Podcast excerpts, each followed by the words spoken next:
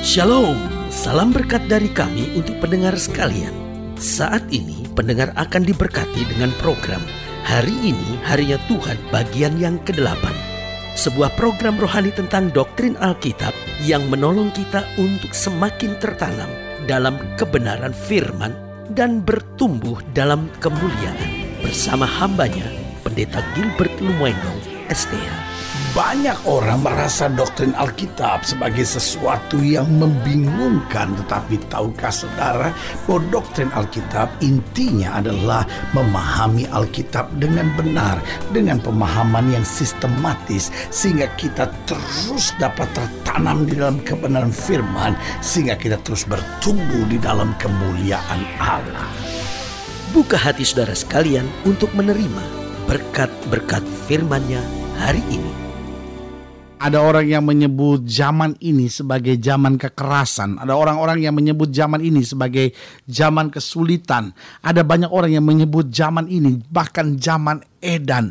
Zaman yang penuh dengan kegilaan-kegilaan di mana suami yang sudah punya istri merasa tidak bersalah dengan memiliki wanita lain bahkan punya anak di luar anak-anak muda yang belum menikah bahkan hamil di luar nikah dan bukan hanya hamil di luar nikah lalu merasa aman dengan aborsi sehingga bahkan bukan melakukan sekali aborsi dua kali melakukan aborsi dan tetap tidak merasa bersalah tetap hanya merasa bahwa ya itu adalah resiko dari kehidupan yang edan ini. Nah saudaraku yang kasih dalam Tuhan, banyak orang punya tanggapan tentang zaman ini, tetapi saya tetap percaya bahwa zaman ini tetap zaman pengharapan. Zaman ini tetap zaman yang dikendalikan oleh Kristus. Apa pun yang Kristus tidak kendaki, tidak mungkin apa akan terjadi. Dan apa pun yang Kristus kendaki pasti akan terjadi. Dan Alkitab berkata dunia ini sedang hanyut dunia ini sedang lenyap dengan segala keinginannya.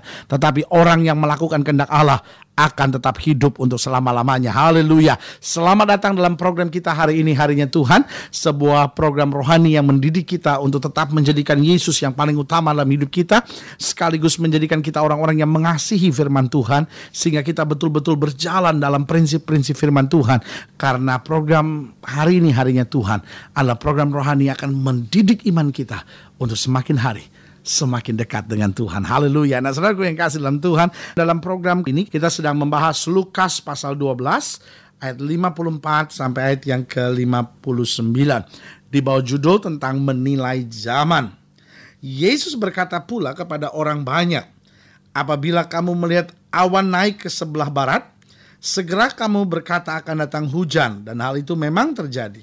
Dan apabila kamu melihat angin selatan bertiup, kamu berkata, hari akan panas terik dan hal itu memang terjadi. Hai orang-orang munafik, rupa bumi dan langit kamu tahu menilainya. Mengapakah kamu tidak dapat menilai zaman ini? Dan mengapakah engkau juga tidak memutuskan sendiri apa yang benar? Sebab jika engkau dengan lawanmu pergi menghadap pemerintah berusaha berdamai dengan dia selama di tengah jalan supaya jangan kau diseretnya kepada hakim dan hakim menyerahkan kau pada pembantunya dan pembantunya itu melemparkan kau ke dalam penjara Aku berkata kepadamu, engkau tidak akan keluar dari sana sebelum engkau membayar hutangmu sampai lunas. Saudaraku yang kekasih dalam Tuhan, Alkitab sedang menggambarkan kepada kita bahwa kita kadangkala hanya menilai zaman ini dari kulit luarnya.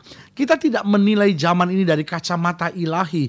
Kita tidak menilai zaman ini sebagai bagian dari skenario rencana Allah yang sempurna atas kita dari mulai penciptaan langit dan bumi sampai kejatuhan manusia sampai penebusan manusia lalu proses manusia untuk masuk dalam kemuliaan kekal bersama-sama dengan dia dalam sorga rumah Bapa yang kekal.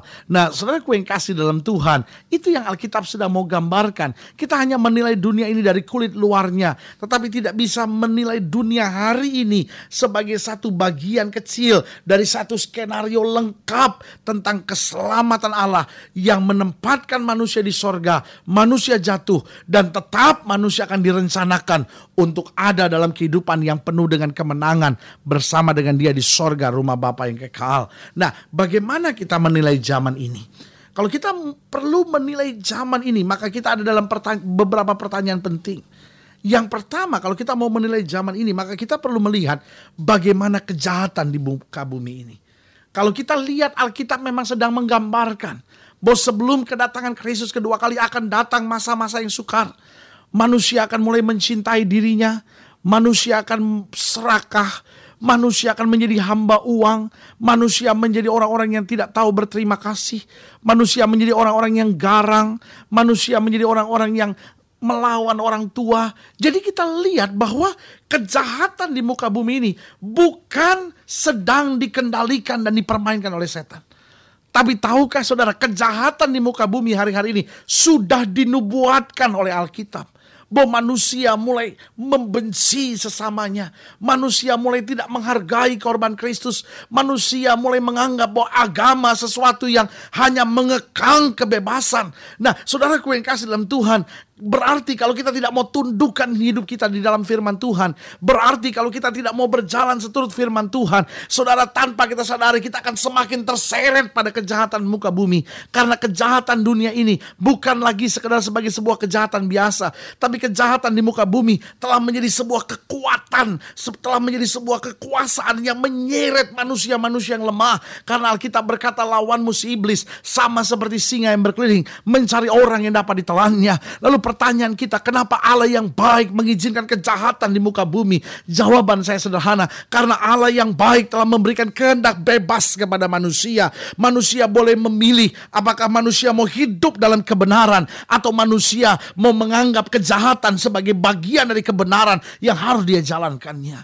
Saudaraku yang kasih dalam Tuhan, Alkitab sudah jelaskan secara gamblang bahwa iblis menyamar seperti malaikat terang.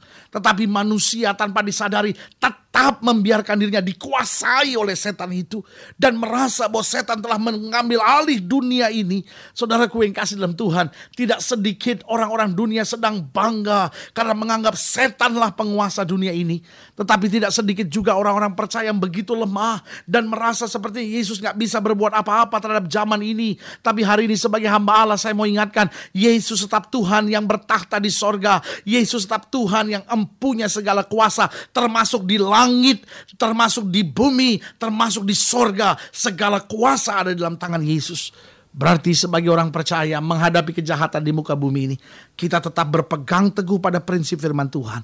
Kita tidak akan pernah dikecewakan, kita tidak akan pernah dipermalukan. Jadi waktu kita mau menilai zaman ini kita perlu lihat bagaimana kejahatan di muka bumi. Karena kejahatan di muka bumi telah menjadi begitu besar, berarti kita tahu Allah sedang mau menggenapi firman-Nya bahwa di akhir zaman akan muncul masa-masa yang sukar.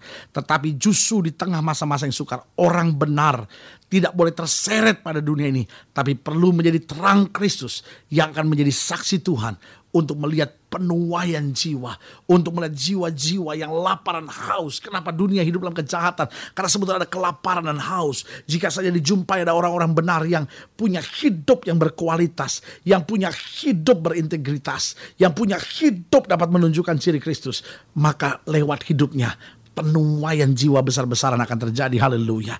Berarti yang kedua, bagaimana kita bisa menilai zaman? Yaitu pertanyaan kita, bagaimana harapan terhadap bumi ini? Waktu kita menyadari apa harapan pada bumi ini? Saudaraku yang kasih dalam Tuhan, dunia sedang menaruh hartanya di muka bumi ini. Oh, deposito demi deposito, uang, emas, harta, segala sesuatu di, ditimbun sebanyak-banyaknya dengan harapan.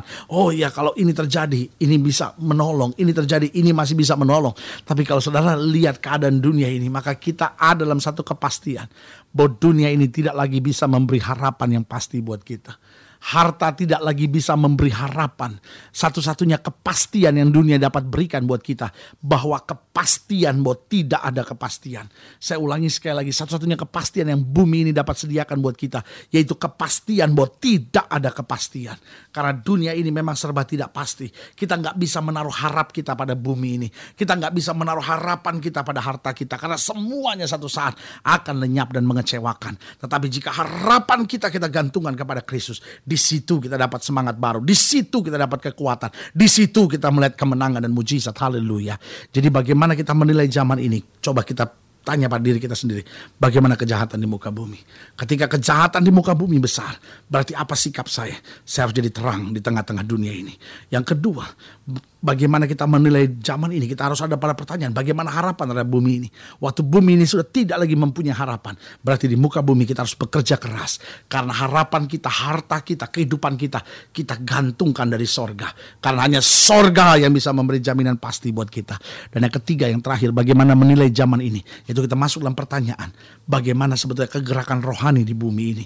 Karena Alkitab berkata dengan tegas, sebelum datang hari-hari terakhir itu, maka Alkitab berkata, Injil kerajaan harus tersebar ke seluruh dunia. Haleluya. Dan kita lihat di tengah kejahatan semakin besar di muka bumi. Oh, kegerakan rohani sedang luar biasa. Kita nggak pernah menyaksikan kegerakan rohani seperti hari-hari ini. Orang-orang muda masuk gereja, orang-orang muda mulai melayani Tuhan, orang-orang muda mulai mempersembahkan hidupnya buat Tuhan. Orang-orang yang menyebut dirinya businessman, orang-orang yang menyebut dirinya pejabat, tiba-tiba terima Yesus, buka hati buat Yesus, menyadari bahwa saya nggak bisa jalan dengan kekuatan saya sendiri. Saya membutuhkan dalam hidup saya. Saudaraku yang kasih dalam Tuhan, di seluruh dunia sedang ada kegerakan rohani yang dimotori oleh Allah sendiri. Allah sedang menggerakkan gerejanya. Allah sedang menggerakkan orang-orang percayanya. Allah sedang memakai orang-orang muda karena Alkitab bilang pada hari-hari terakhir akan ada pencurahan roh di mana anak-anak muda mulai bernubuat, di mana anak-anak teruna mulai berbuat sesuatu buat Tuhan. Saudaraku yang kasih dalam Tuhan. Waktu kita lihat semuanya ini, maka kita tahu zaman apa yang sedang kita lalui. Bahwa kita sedang ada di zaman zaman akhir, bahkan saya berani katakan bahwa kita sedang ada di bagian terakhir dari akhir zaman ini. Berarti setiap kita harus siap untuk berkata, Tuhan saya nggak mau main-main. Saya mau hidup suci buat Tuhan. Saya mau kerja keras buat Tuhan. Saya mau lewat hidup saya. Banyak orang lain tertolong. Haleluya. Saudara yang kasih dalam Tuhan. Kalau saudara ingin dilayani lebih jauh, hubungi kami melalui telepon, hubungi kami melalui surat, kunjungi website kami. Karena kami ada untuk membawa Bapak Ibu sudah senantiasa lebih dekat pada Tuhan. Mengalami kasih kuasa mujizat yang luar biasa. Haleluya. Melalui program ini juga secara khusus saya mau berdoa buat setiap saudara yang sakit, setiap saudara yang berbeban berat, setiap saudara yang sedang bingung dengan situasi zaman hari-hari ini. Secara khusus saudara boleh taruh tangan kanan saudara di dada dan kita berdoa. Bapa dalam nama Yesus, hamba berdoa buat yang sakit, hamba doa buat yang berbeban berat, hamba doa buat setiap pendengar sekalian yang sedang ada dalam tekanan, kekecewaan. Hamba berdoa di dalam nama Yesus Tuhan jamah, Tuhan pulihkan, Tuhan bangkitkan iman mereka sehingga pengalaman-pengalaman mujizat menjadi bagian dalam kehidupan kami hari demi hari. Terima kasih Bapa. Di dalam nama Yesus kami berdoa. Haleluya. Amin. Saudaraku yang kekasih dalam Tuhan. Kita sudah berdoa dan ingat Allah tidak pernah lalai menepati janjinya. Ini saat kita untuk bangkit, ini saat kita untuk tetap bersemangat, bersuka cita menghadapi segala perkara. Karena kita tahu Tuhan adalah jaminan hidup kita. Sampai berjumpa pada program berikut. Jangan lupa, jadikan hari ini harinya Tuhan. Haleluya.